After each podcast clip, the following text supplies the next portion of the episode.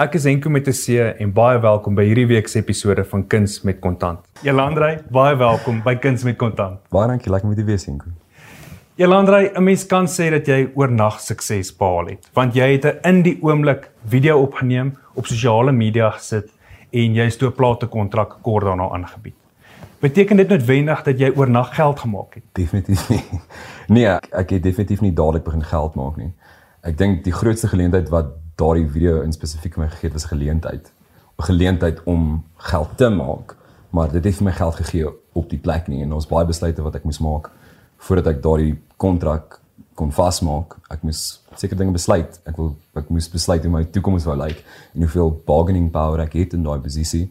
Dit was 'n groot besluit om te maak. Dis nie iets wat net gegee is nie. So ja, geld het later gekom.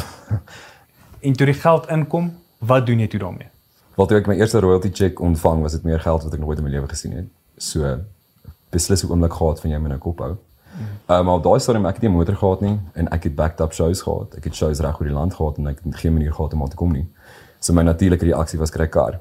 So ek het my pa se tweedehandse motor by hom gekoop, gedeeltelik en ek het die res afbetaal met die shows wat na dit gevolg het. So vir my my grootste prioriteit was om aan te hou kan werk en dit was wiele daai stadium. Ek het dinge gekoop wat ek nie kon koop voor die tyd nie. Maar ek het probeer om kop te hou en ek ek het ek het nie uitgegee nie. Ek het probeer probeer vashou. Ek het dit in die belangrike dele ingestoot soos behuising, vervoer, kos en dan het jy klere nodig om bevoeg te wees. So daar's die prioriteite gewees basies. Jy is 'n fyn observeerder van mense en 'n mens stel dit op in jou lirieke en in jou liedjies. Ek glo jy sal saam my stem as ek dit sê, Maar beteken dit ook dat jy 'n fyn observeerder is as dit kom by jou persoonlike finansies? Ek sê so sê ja. Kyk, ek is nie ehm um, iemand wat geld sake in my minding is nie. Ek is nie iemand wat hard werk aan somme nie, maar dit bedoel ek ek is nie 'n accountant nie. Maar ek voel dat as jy nie iets kan doen nie, moet jy iemand in diens neem of in 'n in daai posisie sit wie jy kan vertrou en ehm um, by wie jy kan opcheck. Belangrik om op te check en om dit saam met daai persoon te doen iets wat ek gesien het is dat elke persoon wat in daardie stoel waar jy nou sit gesit het het op een of ander manier vir hulle self 'n baie suksesvolle professionele loopbaan uitgekerf uit 'n plek uit in hulle lewe waar daar seerkry was of 'n oneenigheid was of 'n disconnect in iets was. Is daar ook sulke gebeure in jou lewe waaruit jou talent en jou liedjies vandag uitkom? Ek sê ek het uit die mees eenvoudigste huishouding uitgekom nie. My ma en pa het, het beskei toe ek 4 was, my broer was 9. So dit was 'n baie onstuimige kan ek sê omgewing om groot te word. En toe my pa weer trou, my ma trou, toe se twee aparte families. Ek dink vir die langste tyd het ek gevoel ek het uitgemis of ek iets verloor, maar ek het eintlik soveel um, bygekry en geleer. Ehm um, nie net finansiële ondersteuning en en weet ondersteuning van my stiefpa aan my ma se kant nie. My pa se vrou Teresa is self kunsinnig en sy het self my ge kan nie aangehits om te doen wat ek nou doen. Ek het nie met baie groot geword nie. Ons het baie min in die huis gehad. Ek was bevoorreg genoeg om met min groot te word. Mm. Want ek kon sien wat daar was in die huis en ek het geweet wat belangrik was. Dat ek nog steeds in 'n in 'n huis waar ons nie altyd genoeg gehad het nie, gelukkig kon wees. Het my geleer dat geld maak nie alles reg nie. Geld geld gaan nie vir jou alles koop nie. So ek het die tweedehandse ding gedoen vir jare. Tweedehandse klere, tweedehandse karre, alles is aangepas van die ouer broer na die jonger broer en dis maar net hoe dit gegaan het. Jy het nie iets niets gekry nie. Mm. En as jy iets gekry het, het jy daarvoor gewerk. Daaroor gepraat, jy is baie lief vir mode en jy's baie lief vir mooi klere. Beteken dit dat jy gewoond was aan tweedehandse klere ook en is dit dalk iets waarop jy vandag baie geld spandeer? Die hemp wat ek aangetree het die dag toe ek 'n platekontrak gekry het, was 'n tweedehandse hemp wat ek op hoërskool gekoop het vir R10 by 'n solidariteitswinkel. En ehm um, gelukkig genoeg hang daai nou in 'n raam elders. Ek dink my ma het vir my gesê, my kind, dit gaan nie oor wat jy het nie. Jy hoef nie ryk te wees nie, my kind skoon wees en jy kan netjies wees. En ehm um, ek het nie geld gehad om klere te koop nie. Elke donderdag aand ek donderdag het ek saam met pelle gegaan na skool en dan hulle vir hulle klere gaan koop by winkels en so. En dan het ek in my oupa se kas ingeklim in die aand en ek het al sy suits aangetrek en goed en ek het sy gestylize en dis wat ek nou nog dra. Ek dra my oupa se jasse in my musiekvideo's, sy blazers, ek dra dit op die verhoog. Ek dink dit is 'n sentimentele storie, maar ek het nie daarvoor betaal nie. Baie jare terug in die 70's was daai goed nommer pas gemaak vir hom. Ja. Daar's niks fout daarmee nie. En op die einde van die dag as jy iets tweedens koop, het iemand 'n klaai duurprys daarvoor betaal. Die wêreld van ligte, kameras en aksie is vir my 'n vreemde affære. Maar my gas het al bekendstelling aan hierdie wêreld gehad op die ouderdom van 11, toe sy die rol van Nina vertolk het in Vila se kind en kort daarna baie bekend geraak het as Saartjie in die televisiereeks. Vandag is sy 'n baie suksesvolle sakevrou, 'n aktrise, 'n model, 'n liefdadigheidswerker en 'n motiveringsspreker. Annie Malan, baie welkom op Kuns met Kontant. Baie dankie Henko met 'n C. Ek hoop as ek jou weer sien is jy Henko met sy eie huisie by die see. Dit sal baie lekker wees. Dankie Annie. Dankie vir die goeie wense.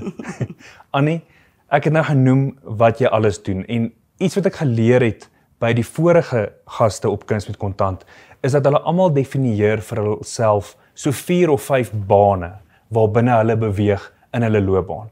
Ek het nou genoem, daar's vir jou aktrise, baie suksesvolle sakevrou, motiveringsspreker, liefdadigheidswerker.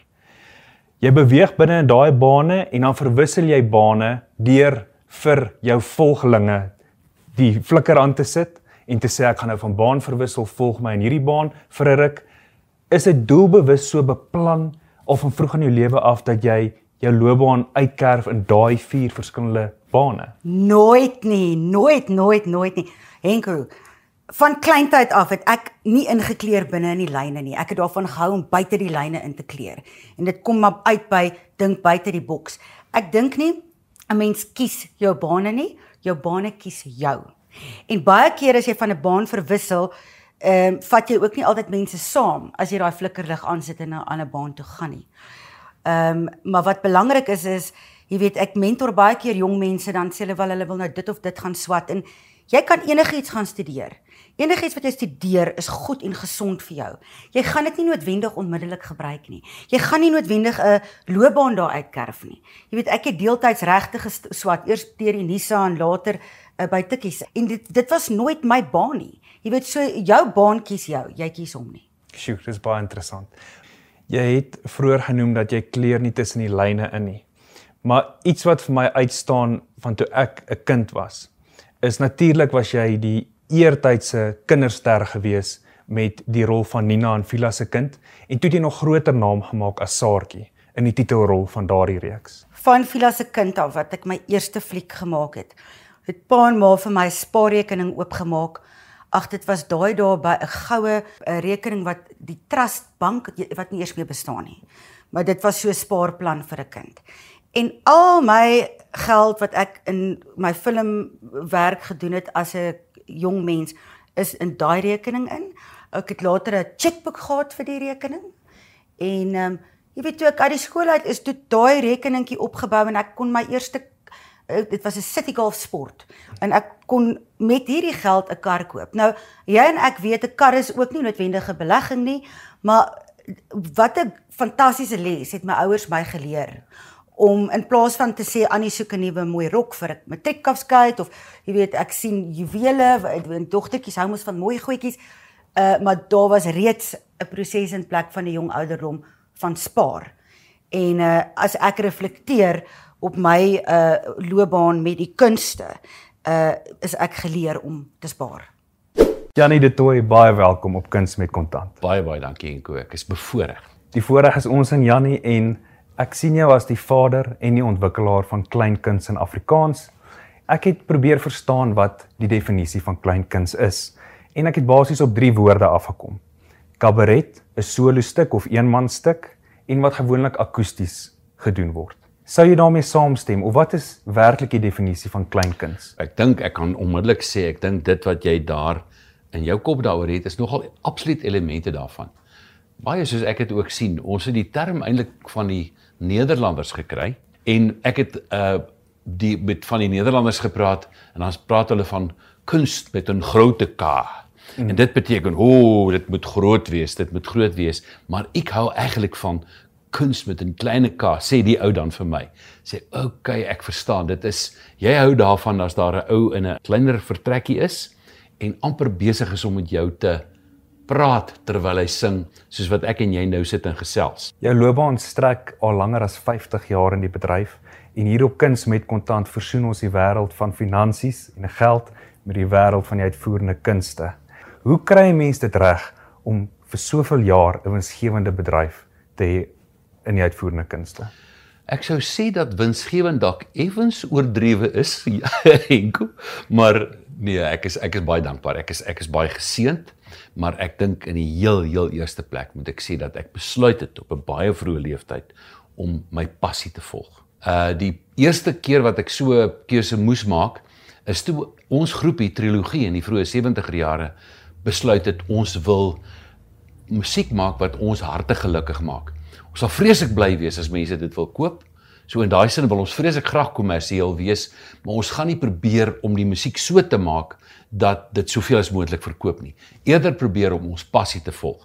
Ons het dit regtig gedoen en ek het probeer om daarbey te bly. En so 10 jaar later het die groot besluit in my lewe gekom. Ek het gaan regte swat op die ou RAI wat nou UJ is. Ek het my artikels gedoen of terwyl my leerklerkskap En net in daai tyd, toe kom die hele musiek en liriek beweging en dit wys vir my daar is tog moontlikheid om met hierdie minder kommersiële musiek dalk wel sukses te behaal. En dis waar ek moes besluit om 'n regsloopbaan vaarwel toe te roep. Nou ek sê vir die meeste mense wat vir my vra, ek weet dit was nou finansiëel nie die beste besluit vir my lewe nie, maar vir my om my passie te volg en dan op die ou end soveel jare met musiek te kon deurbring, ja, definitief die regte besluit.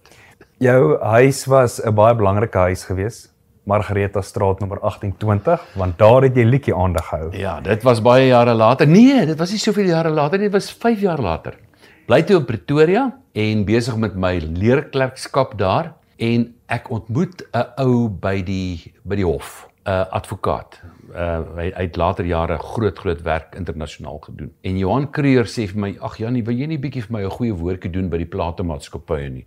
Want ek ek het so 'n paar liedjies wat ek geskryf het. Ek sê vir hom, "Johan, ou maat, ek sukkel nogal bietjie dat die platemaatskappye belangstel in wat ek skryf want yeah. Ja. want ek ek hou van nie van die goeders wat so vreeslik baie moet verkoop nie. Wil baie verkoop, maar maar ek wil liewer dit speel wat uit my hart uitkom." Uh dit was nou onder andere 'n liedjie vir jou wat in daai tyd daarom al geskryf was. Ek sê vir Johan, "Wie wat ons moet doen?" kom na my huis toe. Dan nooi ons 'n klompie ouens, jy speel jou liedjies, ek speel my liedjies. Ons nooi vir 'n klompie ander ouens. Teen daai tyd was Koos Doop op die toneel. Hy was omtrent altyd daar. Annelie van Rooyen het gekom, Janita Klasen, uh, eh, Connie de Villiers en daar het Lukas vir Connie gehoor en Lukas het begin in Afrikaans skryf. So dit was dit was regtig. Ja, Margareta Straat was 'n besonderse tyd in ons lewens, net 2 jaar, maar ek dink dit het 'n klomp mense 'n uh, bietjie anders laat kyk na Afrikaanse musiek.